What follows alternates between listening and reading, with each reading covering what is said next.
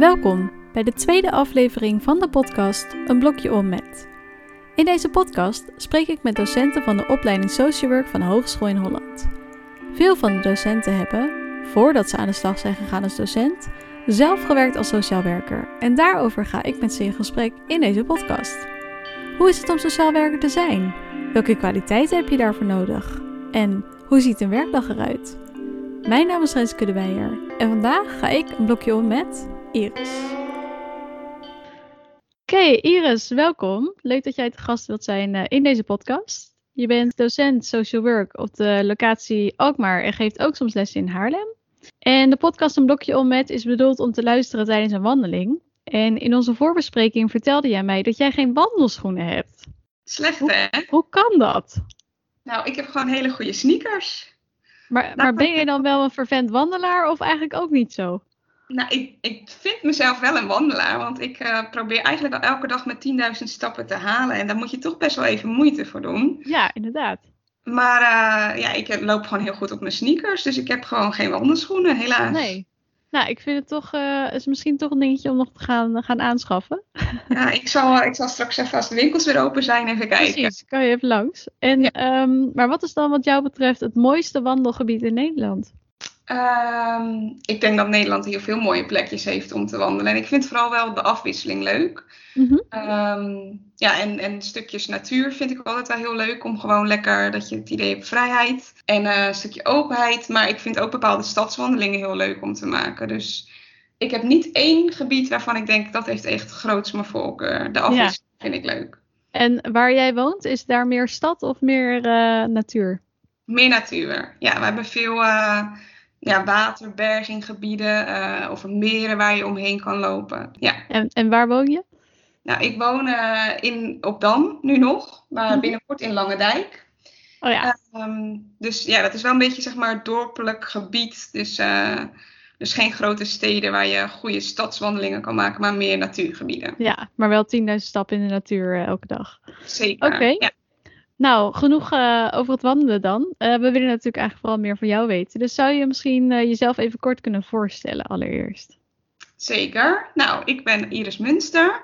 Ik ben 27 jaar en ehm, ja, sinds augustus werkzaam bij Social Work. Je gaat nu richting, richting een jaar bij, bij Social Work. ja, Ehm, ja, en net als Shaila uit de vorige aflevering ben jij ook eh, eigen kweek, zoals uh, Shaila dat zo mooi zei. En dat betekent dat je zelf dus ook de opleiding eh, Social Work hebt gedaan in Alkmaar. ja. En hoe was het voor jou om ineens te gaan werken met docenten waar je eerst zelf student was geweest? Ja, ik vond dat heel grappig. Dat je dan opeens je docenten van vroeger terugziet in een hele andere rol. Ja, Dus heel leuk. En ik denk ook wel dat het me heeft geholpen in die eerste weken. Dat je bij een nieuwe baan komt, maar toch mensen al een beetje kent. Dus ik Ja. vond dat op zich ook wel prettig. Want ik, ja, je kan ook wel makkelijk weer contact maken, zeg maar. Dus eh, ja, Ja. eigenlijk vond ik het wel heel leuk. ja, misschien wel weer makkelijker om op mensen af te stappen. En je hebt dus zelf eh, ook social work gedaan in Alkmaar. Toen heette het nog geen social work, maar het is natuurlijk wel de opleiding zoals we die nu ook aanbieden. En waarom had jij destijds gekozen voor de opleiding social work? Nou, ik wist wel dat ik iets wilde doen met mensen, omdat ik daar gewoon blij van werd. Ehm, maar ik heb nog best wel lang getwijfeld in, in het halfjaar ervoor, voordat ik me had ingeschreven. Dus ik heb ook bij eh, fysiotherapie gekeken, Mhm. verpleegkunde. Ehm, maar ik vond het in gesprek gaan, denk ik, dat trok me toch wel het meest. Uh, dus uiteindelijk me ingeschreven voor de opleiding. Ook nog wel met in mijn achterhoofd dat ik misschien alleen mijn propedeuse wilde halen en daarna dan uh, Ja. ja, master naar de universiteit uh, te gaan. Mhm. Um, maar ik vond de opleiding eigenlijk te leuk, dus ik ben blijven Ja. hangen. Dus Ja. je bent gebleven, uh, ja. Ja. En um, je hebt uiteindelijk tijdens de opleiding ook een specialisatie gedaan die in het teken stond van uh, GGZ en verslaving. En ik was eigenlijk benieuwd, wist je al toen je begon met social work dat je dat heel interessant vond? Of ben je daar een beetje gaandeweg achter gekomen? Mm, een beetje gaandeweg. Op zich vond ik het stukje GGZ wel altijd heel interessant, maar ik vond jeugd bijvoorbeeld ook heel leuk. Maar gaandeweg de verschillende vakken die we kregen, maar ook de stageervaring die ik opdeed, toen merkte ik wel van, oh, dit is wel echt ja, waar ik blij van word en wat ik leuk vind om, uh, om mee te doen, te werken. Dus vandaar dat ik toen die, uh, die richting heb gekozen. Ja, en die stages komen we dan zo nog even op terug. Maar wat vind je dan precies zo interessant aan, uh, aan de GGZ? Ik denk vooral het dynamische. Dat ja, het is nooit hetzelfde. Mhm. En ehm, iedereen heeft een eigen achtergrond, eigen verhaal. En dat vond ik vooral heel interessant. Om, ik was heel nieuwsgierig daarna. Ik denk dat dat vooral me wel trok. Ja, oké. En je zei net al even, hè, ook door de stages. Ehm, wat was de eerste stage die je hebt gelopen? Weet je dat nog? Ja, de eerste stage, maar dat was een hele korte stage. Dat was dan een buddyproject in het eerste jaar. Ja? Ehm, dus dat was wat korter. Eh, en toen heb ik dat nog in de ehm gehandicaptenzorg gedaan. Ja, en wat, wat hield het dan precies in? Nou, toen moest je vier uur in de week nog stage lopen. En dan ging ik eh, elke week langs bij eh, een meisje, met, in dat geval bij mij dan met syndroom van Down. Mhm. En daar ging ik eigenlijk activiteiten mee ondernemen. En woonde zij thuis of zat zij in een instelling? Nee, zij woonde op een woongroep. Dus Op zij woonde niet meer thuis. Ja. Een, een jonger meisje van 18. Mhm. En eh, nou, die bezocht ik daar elke dinsdag. Ja, en wat gingen jullie dan zo'n beetje doen eh, samen? Ja, eigenlijk heel verschillend. Ik probeerde wel een beetje aan te sluiten bij haar interesses. Zij vond bakken bijvoorbeeld heel leuk. Mhm. Eh, of fietsen vond ze heel leuk. Oh ja. Soms knutselen. Ik heb een keer ook met haar gebold. Ze vond bolen heel Oh. leuk. Dus ook altijd leuk, ja. ja, is ook altijd goed. En kan je je nog herinneren de eerste, eerste dag dat je daarheen ging? Of de eerste keer dat je daar aan de slag ging? Hoe dat, hoe dat voelde? Mm, ja, eigenlijk voelde dat. Ik weet dat ik daar volgens mij niet heel zenuwachtig voor was. Mhm. Omdat dat het vrij relaxed nog was. Ja, het is vier uur in de week stage lopen. Ja. En dat, die eerste jaar stage is vooral om een beetje kennis te maken met de doelgroep. Hè. Dus het Ja. is heel anders dan de andere stages waar misschien iets meer verwachting ook van jou wordt wat je moet doen. Ja. Dus ik had er vooral eigenlijk wel zin in eigenlijk. ja, wat goed. Ja. En eh, dat is, je zei net al, hè, dus eh, die stage in het eerste jaar is eigenlijk heel, nog best wel weinig uur per week. En dat bouwt zich steeds op. Kun je iets vertellen over de andere stages die jij nog hebt gelopen? Ja, in het tweede jaar moest ik toen een dag in de week stage lopen. En dat heb ik ook nog op de gehandicaptenzorg eh, gedaan, maar dan op een woongroep. Mhm. Dus als begeleider. Dus één, één dag in de week kwam ik daar en nou ja, begeleidde ik cliënten die, eh, die wel eh, ja, niet meer thuis woonden, maar een stukje ondersteuning nodig hadden, omdat ze net niet zelfstandig konden wonen. Mhm. Ehm, en het derde jaar, dus dat is echt je grote stage van 32 uur, heb ik bij de GGZ gelopen. Oké, zou je daar wat meer over kunnen vertellen wat je daar hebt gedaan en met welke doelgroep? Ja, ehm, nou wat toen een beetje net opkwam, eh, waren de wijkteams die de GGZ eh, ontwikkelde. Mhm. En in een van die wijkteams heb ik mijn stage gelopen. Eh, en zo'n wijkteam, ja, dat bestaat eigenlijk uit allemaal verschillende disciplines. Dus je hebt een, een jobcoach, je hebt een maatschappelijk werker, je hebt een psycholoog, een psychiater. van alles eigenlijk in zo'n team zitten. Mhm. En met dat hele team eh, ga je eigenlijk in een bepaalde gemeente of wijk ja, dan aan de slag met mensen die psychiatrische problematiek hebben. En ja, die daar een stukje ondersteuning bij nodig hebben. En, en dat heb ik dus een jaar lang eh, daar mogen doen. Ja, en je zegt inderdaad dat het met mensen van allerlei verschillende disciplines was. En wat was jouw rol daar dan precies in? Nou, mijn rol was voornamelijk maatschappelijk werker. Ik deed toen ook nog de opleiding maatschappelijk werk en dienstverlening, hè, die nu Mhm. onder social work valt. Ehm, maar ja, dat was ook, iedereen had een eigen discipline, maar je had ook gewoon je case manager rol, noem je, noem je dat. Ja, wat is dat precies? Nou, dan heb je eigenlijk gewoon een soort van je eigen cliënten onder je. En daar Mhm. ben jij verantwoordelijk voor. Dus jij zorgt dat daar een behandelplan ligt. Eh, jij zorgt dat diegene bij alle andere disciplines wordt ingepland als dat nodig is. Eh, dus je bent een soort ja, regiehouder verantwoordelijk voor diegene. En dat doe je dan inderdaad met z'n allen samen, maar één iemand heeft zeg maar de verantwoordelijkheid over, eh, over die cliënt. Ja, precies. Oké, en je ging toen dus 32 uur stage lopen, dus dat is echt heel veel.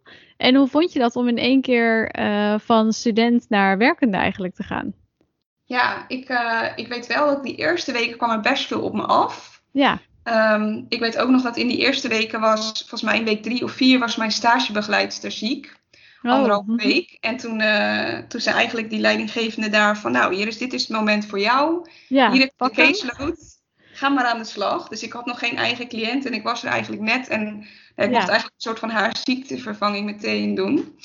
Eh, dus ik werd best wel in het diepe gegooid. Maar ik vond dat ook wel juist heel leuk. Dat je gewoon, eh, dat je mocht gaan. Je hebt twee, uur, ja, twee jaar lang zeg maar vooral veel theorie gehad en vakken Ja. gehad op school.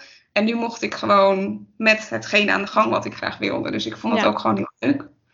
En wat is denk je, wat is iets belangrijks wat je hebt geleerd tijdens die stage? Of iets waarvan je denkt dat is wel echt heel waardevol, dat heb ik daar opgedaan.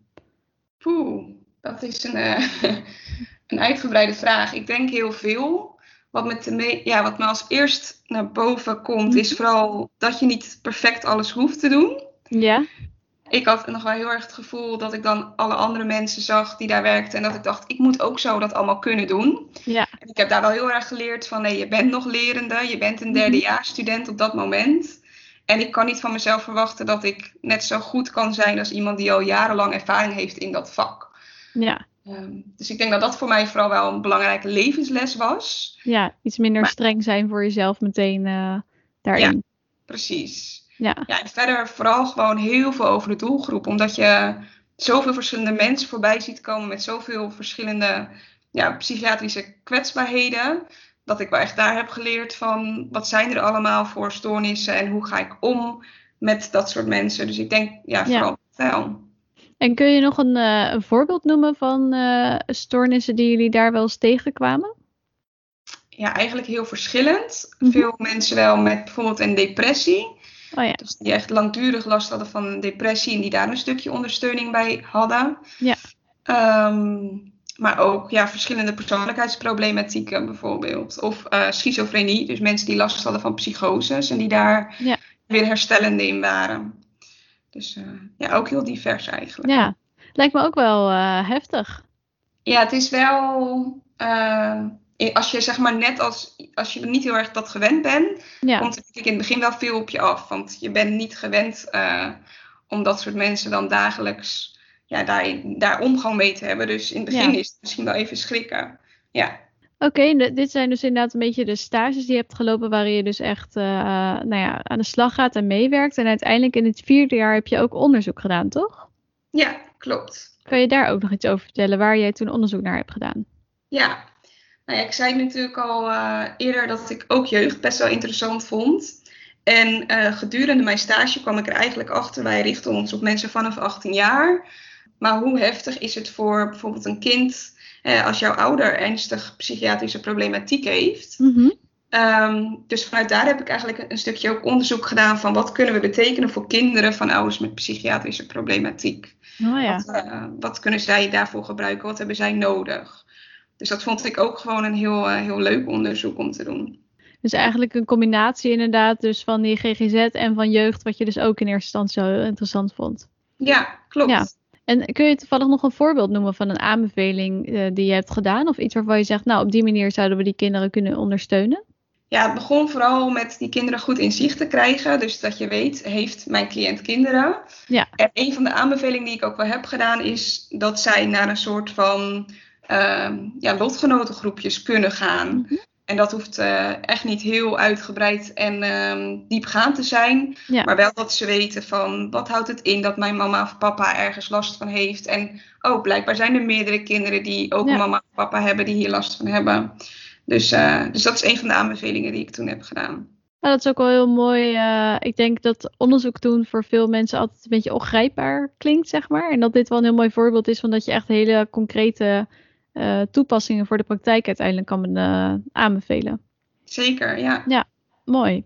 Oké, nou dan gaan we even een stapje verder, want we hebben nu eh, eigenlijk besproken wat jouw redenen zijn geweest om social work te gaan studeren en wat jouw ervaringen zijn geweest tijdens de studie. Uiteindelijk heb je ook gewerkt bij de reclassering, daar komen we straks even op terug. Maar we gaan nog heel even terug naar de weg daar naartoe, want ja, op een gegeven moment had je je diploma gehaald.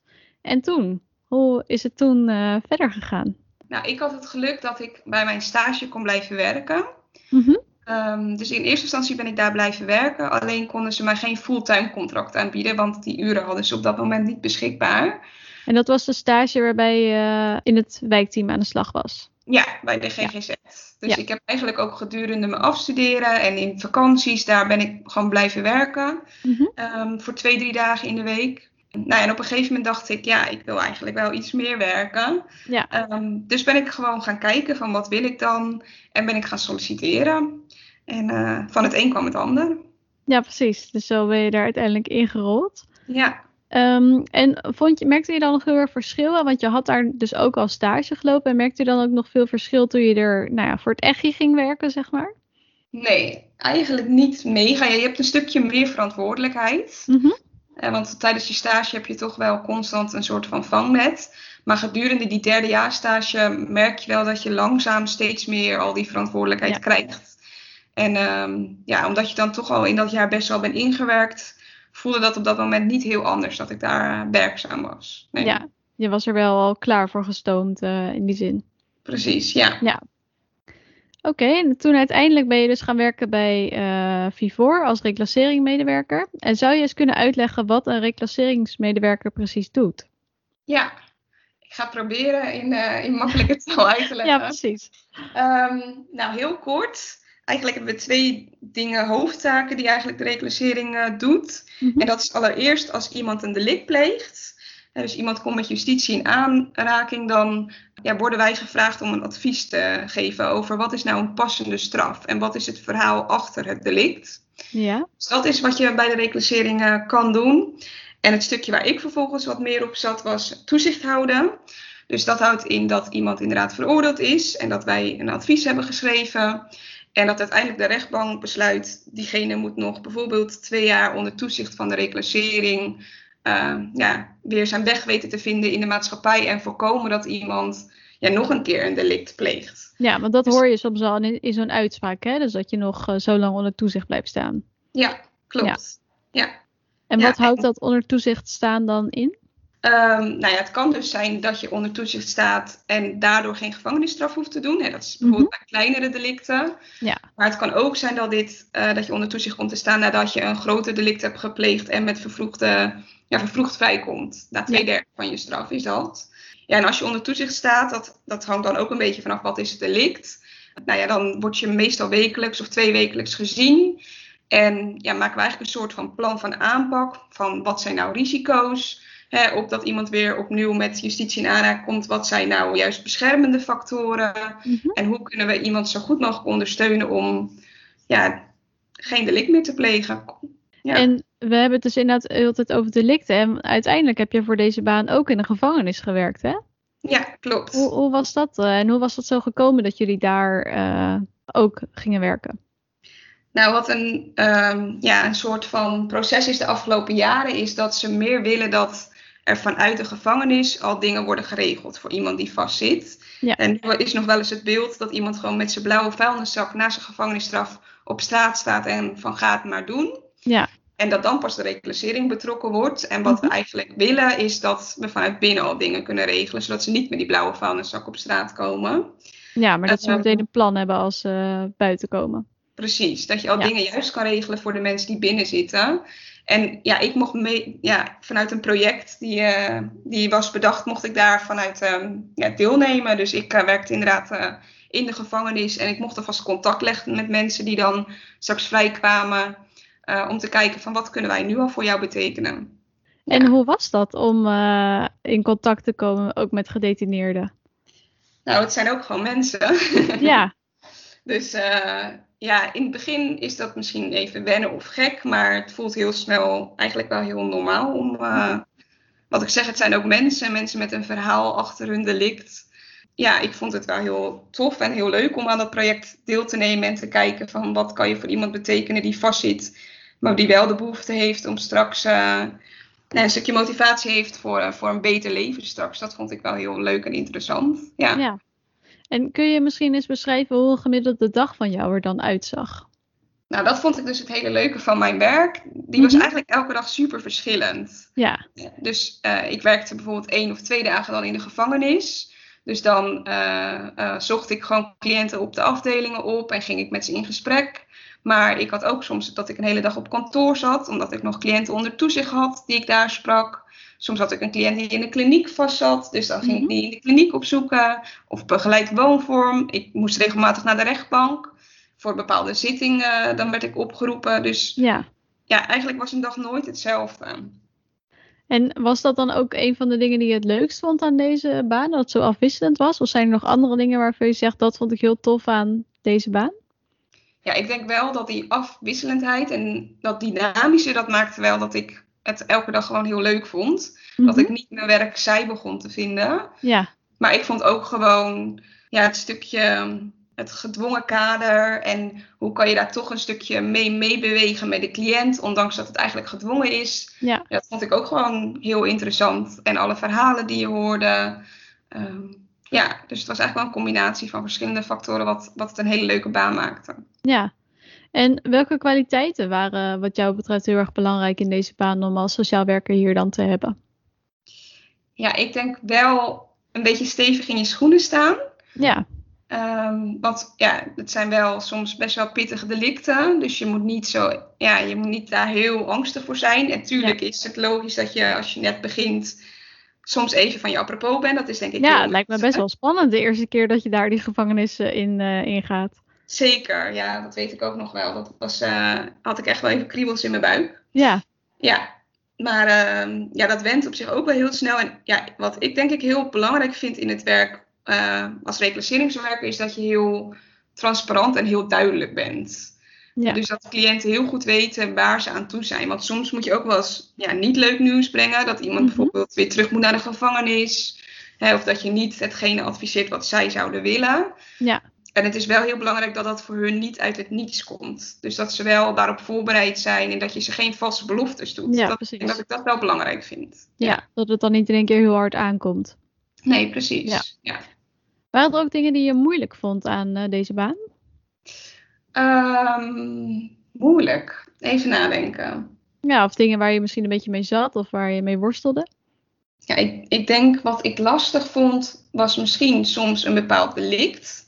Wat wat heftiger was, dat je daar Ja. dan even aan moest eh, wennen. Ehm, en ook wel soms gewoon ja, dat je ziet dat een cliënt wel wil veranderen. ehm, maar dat het hem toch niet lukt. Hè? Dat hij toch nog Ja. te veel bijvoorbeeld in zijn delictnetwerk zit.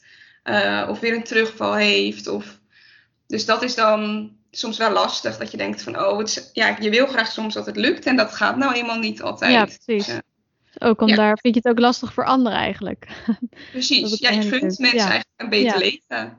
En ik, ik, ik kan dat niet veranderen. Ze moeten dat zelf veranderen. Ja. Maar je staat wel vanuit de zijlijn toe te kijken. Soms hoe ze hun eigen leven ja, anders inkleuren. En tijdens je werk, eh, daar heb je ook nog een master gedaan, ehm, zag ik. Een Master of Forensic Social Work. Ja, klopt. Hoe was het om dan ook weer naar school te gaan? Ehm, pittig.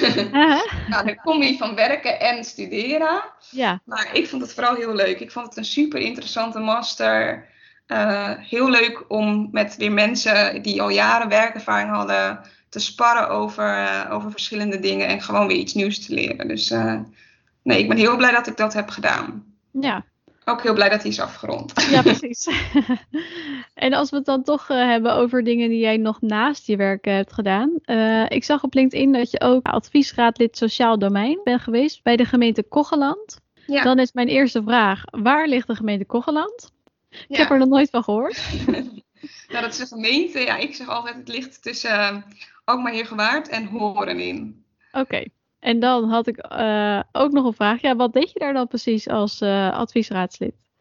Ja, wat we eigenlijk uh, daar deden was advies geven aan het college van BMW.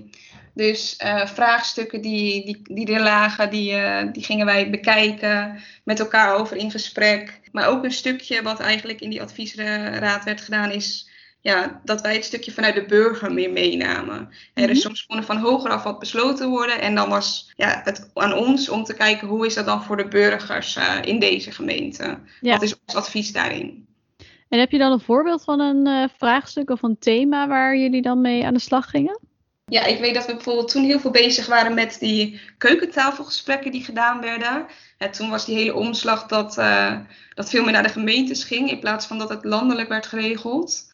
En wat uh, voor beleid werd er dan meer geme op gemeenteniveau geregeld? Uh, bepaalde stukjes zorg. Hè? Dus normaal moesten mensen die, uh, die zorg nodig hadden voor, voor um, dagbesteding, uh, bijvoorbeeld veel meer naar landelijke punten. En nu regelt eigenlijk ja. de gemeente dat. Okay. En in de periode dat dat veranderde, eh, was ik daar dus eh, lid van, van die adviesraadslid. Dus dat was wel iets wat heel erg op dat moment natuurlijk leefde. Nee, en iets wat ze toen ook deden, en normaal ging jij bijvoorbeeld naar zo'n landelijk kantoor. En nu werden dan, noemden ze dat keukeltafelgesprekken gevoerd. Dus iemand van de gemeente die kwam eigenlijk dan bij je langs Mhm. om erover te hebben. Van wat heb je nodig, wat kunnen wij betekenen? Ja. Ehm, en wij hebben bijvoorbeeld toen wel gezegd van vaak zijn dat juist kwetsbare mensen hè, die dat gesprek aangaan. Ja. Dat we het wel heel belangrijk vinden dat er ook bijvoorbeeld een cliëntvertegenwoordiger bij komt zitten. Want er kan soms zoveel op je afkomen. Ja. Het kan soms ook een beetje dat je, zegt, dat je denkt, ik weet eigenlijk niet waar de ander het over heeft. Ik begrijp het niet, maar misschien Ja. durf ik het niet te zeggen. Ja, want er Eh, zit waarschijnlijk best een grote kloof tussen iemand die dan langskomt en de cliënt. Precies. Ja. Dus een van de adviezen die wij toen hebben gedaan is wel dat we het belangrijk vinden dat er zo'n cliëntvertegenwoordiger beschikbaar komt voor iedereen die zo'n gesprek heeft. Oké, nou dat, dat geeft ook weer een stukje helderheid. En mooi dat je daar ook op die manier eh, aan hebt bijgedragen. Ja, zeker. Ja.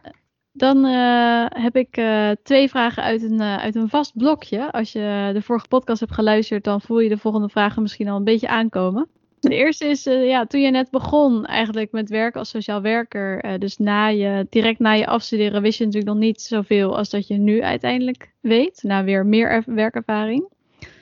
Ehm, wat zou een advies zijn wat jij aan jezelf zou willen geven als eh, je jongere zelf, als je jongere sociaal werker, nu je de kennis van nu hebt? ja, wat als eerst bij me naar boven komt, is denk ik vooral blijf dicht bij jezelf. Blijf jezelf. Kun je dat nog toelichten? Ja, wij werken natuurlijk met mensen, dus je- ja, Mhm. dat zeggen ze heel vaak. Dat hoor je, daar word je wel eens mee doodgegooid tijdens de opleiding. Ja, je bent eigenlijk je eigen instrument. Ja, dat doen er.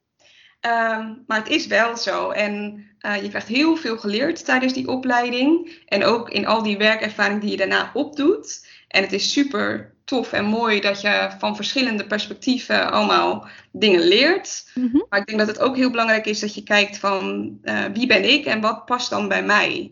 Hè, Ja. Wat ben ik voor social werker? En ik denk ook dat het juist heel mooi is dat we verschillende social werkers hebben. Dat de een meer een bepaalde kwaliteit heeft en de ander weer een andere kwaliteit. Dus ja, ga je niet helemaal vormen naar misschien je stagebegeleidster of die collega op het werk die het zo super goed doet. Maar kijk Ja. ook, wat is mijn kwaliteit? Ja, dat echt iedereen zijn eigen stijl heeft. Ja, precies. Ja. Ja. Nou, dat, dat vind ik een heel mooi advies. En ik denk dat dat ook voor onze studenten een mooi advies is. Ehm, en dan de tweede vraag, die eh, komt eigenlijk een beetje vanuit het boek Die Ene Patiënt, waarin artsen vertellen over een patiënt die hun kijk op het vak eigenlijk heeft veranderd. En ik was benieuwd, heb jij ook een cliënt, of misschien wel een gedetineerde ehm, cliënt, die jou heel erg is bijgebleven, of die je echt een beetje anders heeft laten doen kijken naar het vak? Jeetje, wat een vraag. Ja, ja je, had, wel- je had hem al een beetje aan kunnen, kunnen ja, ik dacht, misschien krijg ik een hele andere vraag, maar nee. Ja, precies. Ja, nee, nee, nee. Ehm, ja, er zijn eigenlijk twee situaties die me dan heel erg bijblijven. Mhm. En dat is een van mijn eerste cliënten die een heel heftig delict had gepleegd. Ja.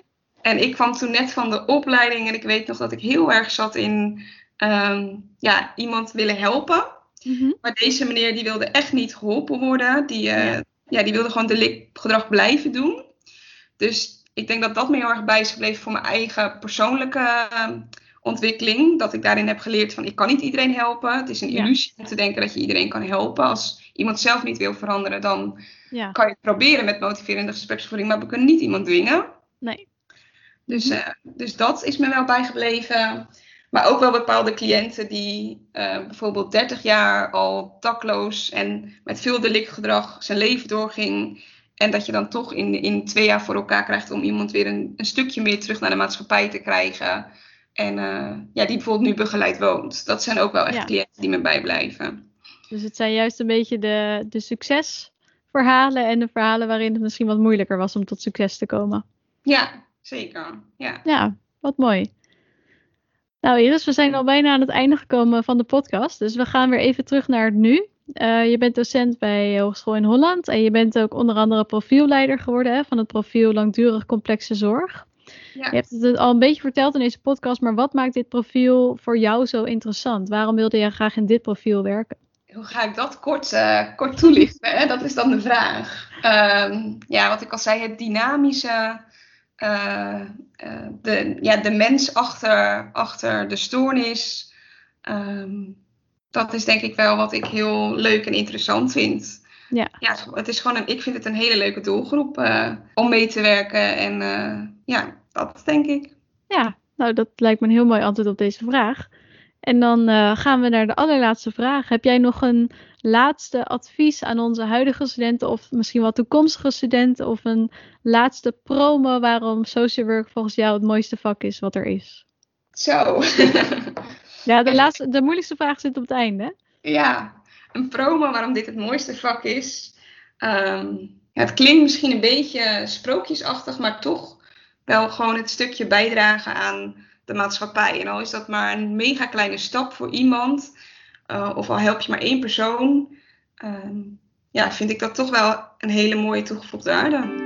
Ja, nou, ik denk dat dat hele mooie laatste woorden zijn om deze podcast mee af te sluiten. Dankjewel Iris dat jij te gast wilde zijn. En ik zou zeggen, nu snel weer uh, naar buiten op die sneakers. Want uh, die 10.000 stappen, die, die halen zichzelf niet natuurlijk. Nee, ik ga meteen aan de slag. Dankjewel. Heel goed, dankjewel.